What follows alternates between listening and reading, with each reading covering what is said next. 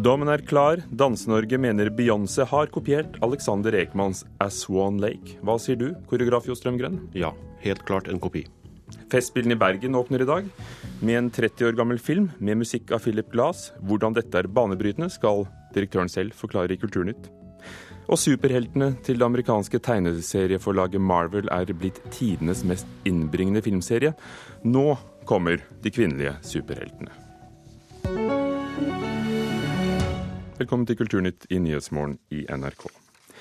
Danse-Norge har altså sagt sitt. Beyoncé har kopiert Nasjonalballettens publikumssuksess As Swan Lake. Den svenske koreografen Alexander Ekman, som står bak Nasjonalballettens En svanesjø, reagerer på at den amerikanske popartisten Beyoncés nye dansenummer er påfallende likt hans egen koreografi.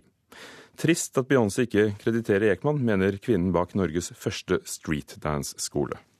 Akkurat på det klippet jeg har sett, så syns jeg det er en kopi, for det er såpass likt.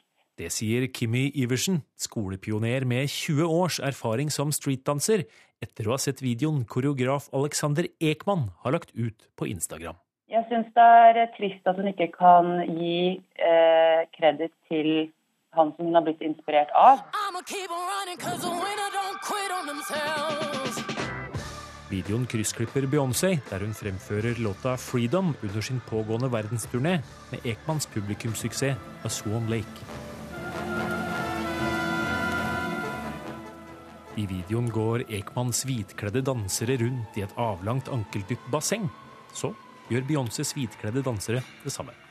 Deretter sitter Ekmanns dansere på knærne og virvler armene fra side til side og ned i bassenget. Og det gjør Beyoncés dansere også, etterfulgt av flere svært like dansetrinn.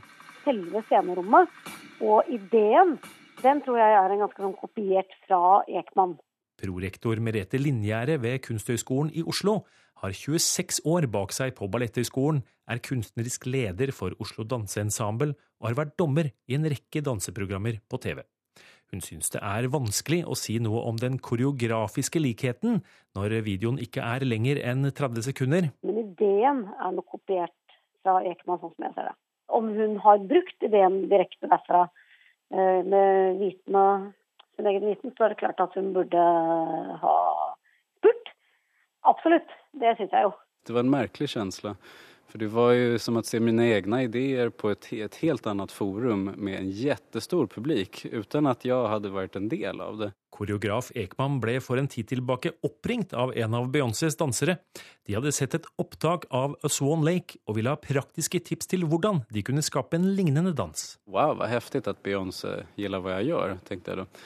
Um, og sen noen måneder senere så får jeg da se det her YouTube-klippet, og da er det jo ganske store likheter der, tykker jeg.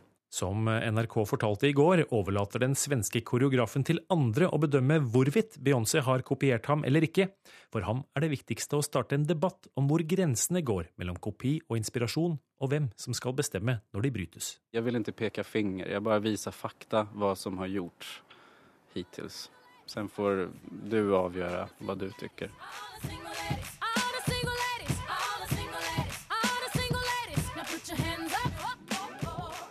Det har ikke lyktes NRK å få en kommentar fra managementet til Beyoncé. Superstjernen har for øvrig også flere ganger tidligere blitt eh, anklaget for å kopiere. Blant annet låner den smått klassiske svart-hvite og hoftevriktunge badedraktdansingen i Single Ladies heftig fra et klassisk nummer. Samtidig må jeg si at det å bruke vann på scenen, det er det flere som har gjort. Påpeker prorektor Merete Linjære, og tar Beyoncé i hvert fall litt i forsvar. Dette er inne i veldig, veldig kommersielle industrier. Eh, de bør holde seg for gode selvfølgelig til å kopiere på den måten der. Men det er jo en helt annen setting enn hva Ekman sine verk eh, viser til.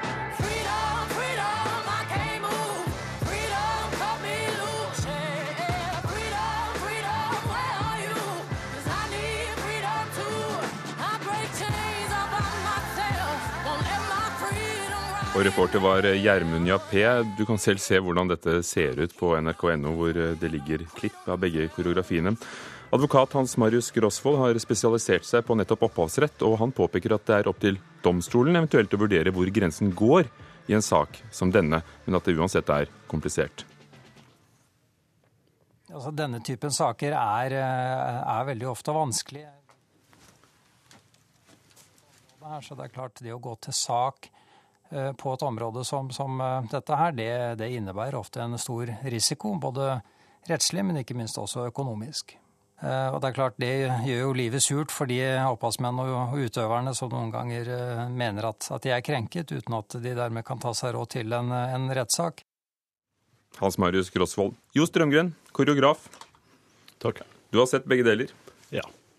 Er det en kopi? Ja, det er jo det, altså. Det, det skal være vanskelig også Det er vanskelig, som sagt, å, ta patent på menneskelige bevegelser. For vi er jo alle mennesker, og folk beveger seg rundt omkring overalt. Eh, men når man ser på totalinntrykket her, og vet hvordan det har foregått, og kjenner til mekanismen i både vår bransje, samtidsdansen og, og musikkbransjen, den store kommersielle, populærkulturelle bransjen med profitt som eh, mål, i hvert fall for eh, når man skal på verdensturné, så, så er det jo det er en klassisk problemstilling. Hva skal man gjøre, liksom? Har du opplevd det selv? Har, eh, ja, nå er det her Ekman sin sak eh, nå for tida, men, eh, men, når du først spør, så har jeg jo opplevd det, det samme flere ganger. altså. Og blitt kopiert, plagiert av folk som er større enn meg sjøl. Så jeg vet akkurat hva han føler nå. Han fikk hakeslepp når han så det første videoen. Jeg vet også at et, over tid så vil han føle det her som et innbrudd i sitt eget hjem. Han kommer til å bli litt bitter og, og, og litt sur over tid. Men som ham har du heller ikke forfulgt saken, enda du, du så hvem som satt der og så dine ting, og så brukte de igjen? Ja, Nei, jeg er en skapende person, og det er Ekman også. Vi har kort tid her i livet, og vi skal bli kunstnere, rett og slett. Vi er ikke i den bransjen de er med i. Det er ikke profitt som er vårt mål, og vi har ikke tid til sånt. Um, de er sikkert eh, både kunstneriske, men også profitt, som er et mål for popbransjen. Er det annerledes å bli kopiert av den store musikkindustrien enn om en noe av dine bevegelser ble sitert i en annen danseforestilling? Ja, og det er det som jeg syns er interessant her. Enhver kunstart, enhver kulturbransje har sitt forhold til eh, originalitet og respekt for åndsverk. Og der eh, kan man si da, En god nyhet er jo da at f.eks. samtidsdans eh, er en, eh, en bransje med, med, høy justis. Er, man kan være sikker, ganske sikker på at ser man en danseforestilling, så er det her originalt verk. Og Hvis man da i vår bransje kopierer hverandre, så er det tilsvarende et kunstnerisk selvmord. Er det ikke også litt stas at dine ting, eller i dette tilfellet Alexander Ekmans koreografi, er blitt så kjent og så stor at verdens største popstjerne har lyst til å bruke det på én måte? Eh, alle er enkeltpersoner, vanlige folk, når man dør. Om man er stjerne eller om man er eller kong Salmo eller Jørgen Hattmarke, det spiller ikke så, så, stor rolle, egentlig. Eh, men eh, men de kan kreditere. Det tar så kort tid å skrive et program eller på en pressemelding at vi er inspirert av vedkommende. Da hadde det vært stas. Da hadde det vært stas. Er det forskjell på det å kopiere det fysiske og bevegelsene eller kostymer, scenografi? Det er en eh, kombinasjon, en slags eh, helhetsfølelse. Eh, så det er jo en Hele verden som vi kjenner i dag, er jo et resultat av at folk har hatt nysgjerrighet og skapertrang og har hatt lyst til å finne ut nye ting og, og, og, være glad i sine egne ideer. og Det er derfor vi også har patent i andre bransjer. Og den respekten der syns jeg vi bør verne. Men er det en søt hevn fra Alexander Hekman å i hvert fall vise det frem på sosiale medier og, og her hos oss? Glem rettssak. Eh, få nyheten spredt så mye som mulig. Og hun har gjort det før. Det er utilgivelig, egentlig. Takk. Jo Strømgren om Beyoncé, som har brukt koreografi Alex fra Alexander Hekman. Si at det ikke du har ligget med broren din. Jeg skal forklare alt. Du har ikke ligget med han? Jeg veit ikke. Jeg stoler bare på meg selv. Jeg har lært at ingen er der når man virkelig trenger hjelp. For når alt kommer til alt Forholdet mellom Nora og William i NRK P3-serien Skam er tema blant både unge og voksne for tiden. Hva som skjedde mellom Williams bror Nikolai og Nora på en fest, har fått eh, VG til å spekulere. Reporter Thomas Alvarstein Ove. Ja, hva har egentlig skjedd, og hvordan påvirker eh, det forholdet mellom Nora og William? VG har på bakgrunn av ulykkelige par i eh, kjent litteratur og tidligere film- og, TV-serier som eh, Stolthet og fordom, Gossip Girl og Sex og singelliv, kommet frem til fire mulige utfall. 1. De oppklarer misforståelsen og blir sammen igjen. 2. Nora dumper William for å finne seg selv. Tre. William dumper Nora for at hun skal kunne konsentrere seg om viktigere ting. Eller fire. Nora og William bestemmer seg for å gå hver til sitt, i likhet med vampyrdreperen. Og da er det én ting å gjøre, å vente og se hvordan det går i Skam. Ja, og det gjør antagelig også 960 000 andre nordmenn. For så mange unike brukere var innom eh, P3s nettsider forrige uke for å se Skam, og det er ny rekord for serien. Nesten like populært som denne her.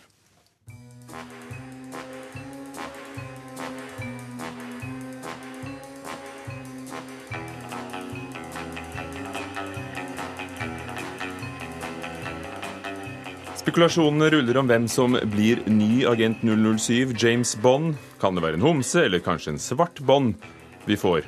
Men hvem er det som leder dette heatet nå? Jo, skal vi tro en stor, men dog uhøytidelig avstemning på eh, Twitter, så er det kanskje et litt overraskende navn som nå er beste kandidat, nemlig Gillian Anderson, som vi kjenner best fra X-Files-serien. Og som vi skjønner, Gillian er en kvinne. Dermed må det vel bli Jane Bond, kanskje. Fans har dessuten laget en fiktiv plakat eh, som går varm på nettet, med Anderson i kjent eh, Bond-positur, så hun fremstår som en eh, naturlig arvtaker. Filmskaperne de vil selvfølgelig ikke si noen ting om alle disse ryktene. Det eneste vi faktisk vet, er at dagens James Bond, Dan Daniel Craig, ønsker å trekke seg fra rollen. Takk, Thomas Alverstein Ove. Festspillene i Bergen åpner i dag. Anders Beyer, Festspilldirektør, god morgen og velkommen. God morgen. Dere åpner med en 30 år gammel film med musikk av Philip Glass, kjent samtidskomponist, filmmusikk som også er i byen Bergen. Hva slags film og hva slags verk er det? Ja, det er jo et, et 30 år gammelt værk, som, øh, som tager et øh, emne op, som er brændende aktuelt, og desværre øh, ikke er blevet bedre, nemlig vores udnyttelse af tredje verdens lande med barnearbejde og øh, ja, øh, urimeligheder og uretfærdigheder øh, på, øh, mennesker, og hvordan vi forvalter den her vidunderlige planet. Så det kan man sige et stykke samfundskritik, som, som, øh, som jo øh, desværre er højaktuelt. Så Ja, fordi Aftenpostens kommentator skjønner du, skriver i dag at hun ikke kan forstå hvorfor du velger noe så gammelt til Nej. åpningsforestillingen. Jamen det er riktig. Man kunne jo også ta en Beethoven-symfoni eller 500 år gammel øh, musikk som øh, mange spiller, og som jo også er aktuelt. Øh, øh, fordi at øh, noget har noen år på bagen, er det jo ikke uaktuelt. Så det er jo en helt horribel, tåbelig bemærkning. Akkurat jeg skulle spørre deg hva du syntes om den bemerkningen, men, men nå har du sagt det. Dere har delt programmet i seksjonene forstyrrelser, fornøyelser, forbindelser. Er samtidsmusikk virkelig forstyrrende? Ja, det, det må man jo sige, at den er, øh, og gudskelov for det, fordi vi trænger øh, forstyrrelsen. Vi trenger det å bli rykket ut av vores øh, vante forestillinger. For problemet er jo, hvis jeg må bringe temaet for vores festspill inn i denne her diskussion, Kom igjen. nemlig, grænser. Problemet er jo, at at vi stiller grænser opp i vores egne hoveder, øh, og det er dem, jeg gerne vil utfordre. Tør du å utfordre dine egne grænser og, øh, og åpne dit sinn? Sånn at du tør til å, å, å, se- verden på en ny måte. se, se deg selv og dine omgivelser på en ny måte. Det er jo det, festspillene skal kunne få sny opp og ned på, på de vedtagende regler, så man blir litt anderledes indeni, når man går fra en forestilling. Litt annerledes, ja. Anders Berg, du har jo snudd litt på det, fordi fra i forfjor til i fjor så økte du antall besøkende fra 80 000 til 106 000. Også billettsalget og inntektene, ifølge Bergens Tidende. det- Hvordan balanserer du dette? Hvordan får du både trukket folk og, og forhåpentligvis da sprengt grenser, som du ønsker? Ja, det er jo forfærdeligt at, at sælge mange billetter. Det er der også nogen, der nok skal få noget dårligt ud af, kan man sige. Men det som, øh, det, som er sagen, det er, at det er en fest for alle. Men det er også en smal fest, så, så man kan sige, det er den evige balance mellem folkefesten og det finkulturelle. Festspillene i Bergen er Nordeuropas største musik- og teater dansefestival. Vi skal kunne mange ting. Vi skal kunne give tilbud til barn og unge, og dem, der er øh, klassisk musikinteresserede, de skal finde det bedste i verden. Så vi skal, vi skal kunne mange ting, og det vil jeg påstå, at vi kan. Takk. Anders Beyer, Festspillene åpner i dag. Klokken er 18 minutter over åtte. Du hører på Nyhetsmorgen i NRK. Hovedsaker i dag. Både Arbeiderpartiet og Senterpartiet vil ha omkamp om flypassasjeravgiften. I går bestemte Moss lufthavn Rygge å legge ned driften fordi Ryanair slutter å fly til og fra flyplassen. Påtalemyndigheten er ikke flink nok til å oppdage om en tiltalt er utviklingshemmet. Det mener statsadvokat Bjørn Kristian Soknes. Lettere utviklingshemmede kan få redusert straff og bedre soningsforhold. Og eurolandene er enige om en avtale om å betale ut 10,3 milliarder euro i krisehjelp til Hellas.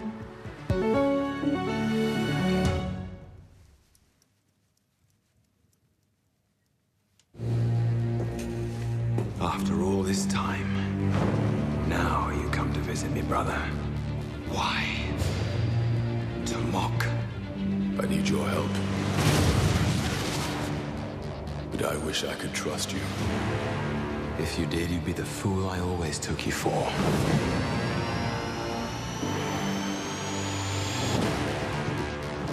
Superheltene til det amerikanske tegneserieforlaget Marvel er blitt til tidenes mest tjenende filmserie. Vi snakker om Spiderman, Ironman og Captain America. Det er bare noen av heltene hentet derifra.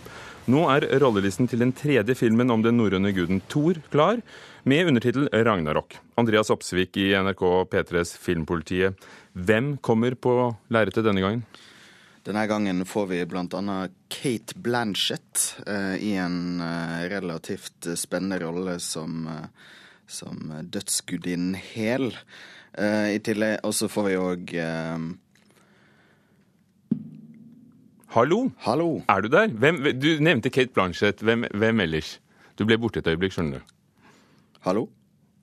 Ja, det virker som du ikke kan høre med Andreas Opsvik i Filmpolitiet. Er du der? Jo, jeg hører deg. Hei sann. Hei. Um, Du nevnte Kate Blanchett som eh, ny, eh, ny eh, skuespiller i Thor, Thor, Ragnarok. Hvem ellers? Jeff Goldblum er òg en ja, jeg holdt på å si 90-tallshelt som må dukke opp. Og i tillegg så er Carl Urban eh, vil òg dukke opp som en, i en relativt stor rolle i da den tredje Thor-filmen. Er det overraskende navn?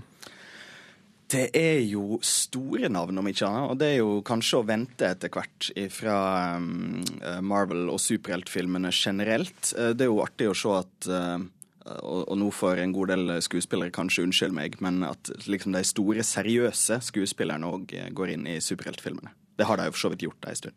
Det har kommet kritikk mot Marvel tidligere for å ha hvite og mannlige rollelister til filmene sine. Blir det mer variasjon? Jeg tror at eh, vi er på vei dit, om ikke annet. Et av de større problemene eh, Marvel har hatt, er jo egentlig med kvinner. eh, tross alt. En, mannlig svart superhelt er jo på vei. Eh, for så er det jo ikke seinere enn i 2013 at eh, Iron Man 3 faktisk ble nekta en kvinnelig superskurk. Visstnok pga. at det selger mer leketøy eh, med mannlige eh, personer i de store rollene i de filmene. her. Så er det altså tredje versjonen av filmen om Thor, Thor på hollywoodsk. Ut fra, ut fra våre kunnskaper om norrøn mytologi, hvor lettkjennelig er Hollywood-versjonen av Thor? Eh, altså, jeg, jeg pleier å bruke det her som eksempel. Det at I den første Thor-filmen så viser de et klipp fra det de kaller Tønsberg. Og Tønsberg ser da i eh, beste fall ut som en, et eller annet sted i Hardanger. Eh, så det her ligner ikke på vår eh, norrøne mytologi i det hele tatt. Kanskje med unntak av navn og et par slektsbånd. Hmm. Når kommer den i filmen? Filmen er en av de eh, neste som dukker opp, men vi, vi, vi får allerede et par eh, som, som er på vei før den tid. Eh, men den vil ikke dukke opp før i 2018. Takk skal du ha, Andreas Opsvik i Filmpolitiet.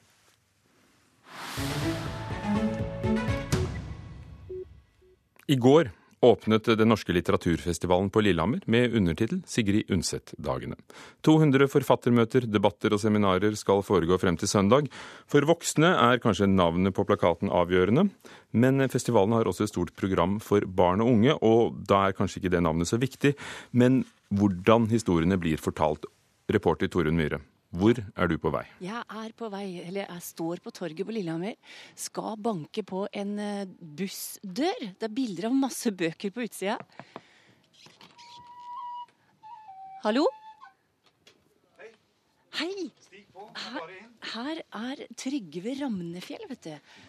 Så han jobber på Bokbussen eh, i Oppland og har tatt plass på torget. Du har en, en sølvmedalje fra NM i litteraturformidling. Og hvor viktig er dette med formidling av bøker? Formidling av bøker, ja. Jo, det er viktig fordi at uh, mange, og det er jo først og fremst unge vi snakker om her, da, uh, syns det er vanskelig å finne bøker. Altså, det, er, det, krever jo trening i å finne en, en god bok. Så, uh, så, det aller største, den viktigste oppgaven vi gjør her, det er rett og slett å hjelpe personen med å finne rett bok til seg selv. Og Du har bussen som virkemiddel som du reiser rundt med, og du spiller masse instrumenter. Men må du virkelig gjøre så fryktelig mye ut av det for å få nysgjerrige unger interessert i bøker? Ja, så det kan man fint gjøre, vet du. Kan, eh, det er viktig å komme inn i en god stemning. Og, og da er det slett ikke dumt å spille på mange strenger. Eh, men man må jo ikke gjøre det. Nei. Det holder jo bare å lese et lite utdrag. Ja, for eksempel. Oh, ja. For eksempel sånn som dette.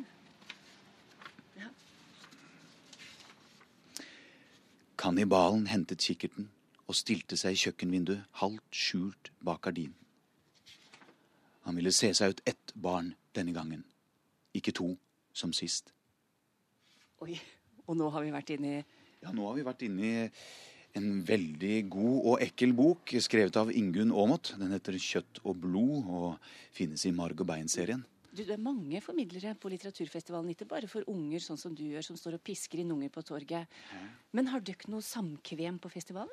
Nei, du vet, det har vi ikke på den måten, nei. Eh, det skulle vi gjerne hatt. Vi, vi driver gjerne rundt i våre egne tanker, nærmest. Altså i våre egne oppdrag. Og skulle gjerne ha sett og hørt mer av hverandre. Det er, veldig, det er veldig viktig for oss, egentlig. Det får vi gjort altfor lite av. Det skulle kanskje vært et lite forum for det. Da kan vi slå et slag for et litteraturformidlerforum på neste års litteraturfestival, da kanskje, Ugo? Takk skal du ha, reporter Torunn Myhre på Den norske litteraturfestivalen. I dag, nettopp der, kommer eh, kinesiske Ihua. Yuhua skrives det på Lillehammer bibliotek eh, klokken 14. En forfatter som har fått eh, lesere også i Norge, og som i år tar dem med til dødsriket i romanen Den sjuende dagen. Dette er ikke hverdagskost, litteraturkritiker Marta Norheim. Nei, det er en mann som blir eh, innkalt til sin egen eh, kremasjon. Og jeg tenkte mer original åpning har jeg ikke sett siden jeg las Kafkas 'Forvandlingen', der det er en person som våkner i senga si og er en bille. Altså, du, du, det skjer ganske mye med det når du får vite at du er død, og får vite det på den måten. Men han eh, avblåser for så vidt den kremasjonstimen, for han mangler urne. Dette er en fattig mann. Han har ikke urne. Og eh, etter hvert så kommer han til de gravløses land, der det er mange andre i samme situasjon. Og en kan nok si at eh, livet etter døden er en slags opptur for disse fattige. Og i det så ligger det jo selvsagt også en kritikk av livet før døden. Hva er det ved Ihoa som gjør at han har eh, fått lesere i mange land? Altså, han, eh, han, er en veldig frodig forteller, som en kanskje kan høre av det som jeg har fortalt nå. Altså, det, er, det er helt sånn eh, ikoniske scener i denne boka, som er den første jeg har lest av han. Eh, det kom til en bok før som heter 'Brødre' på norsk. Eh, så det er dette burleske, groteske eh, Du veit aldri hvor hen du skal videre i neste kapittel. ikke sant? Det er veldig overraskende vendinger.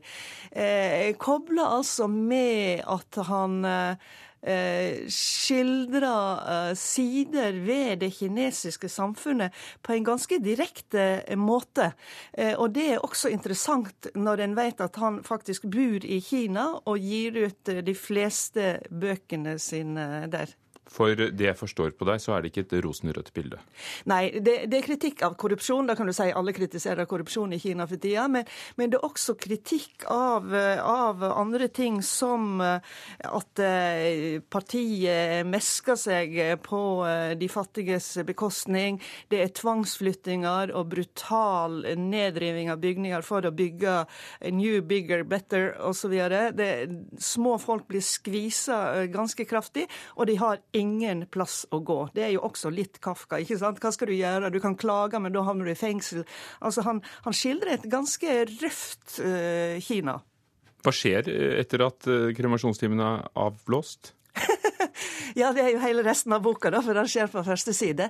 Men han vandrer altså til eh, dette landet eh, der, eh, der de, de, som ikke har gravplass, havner.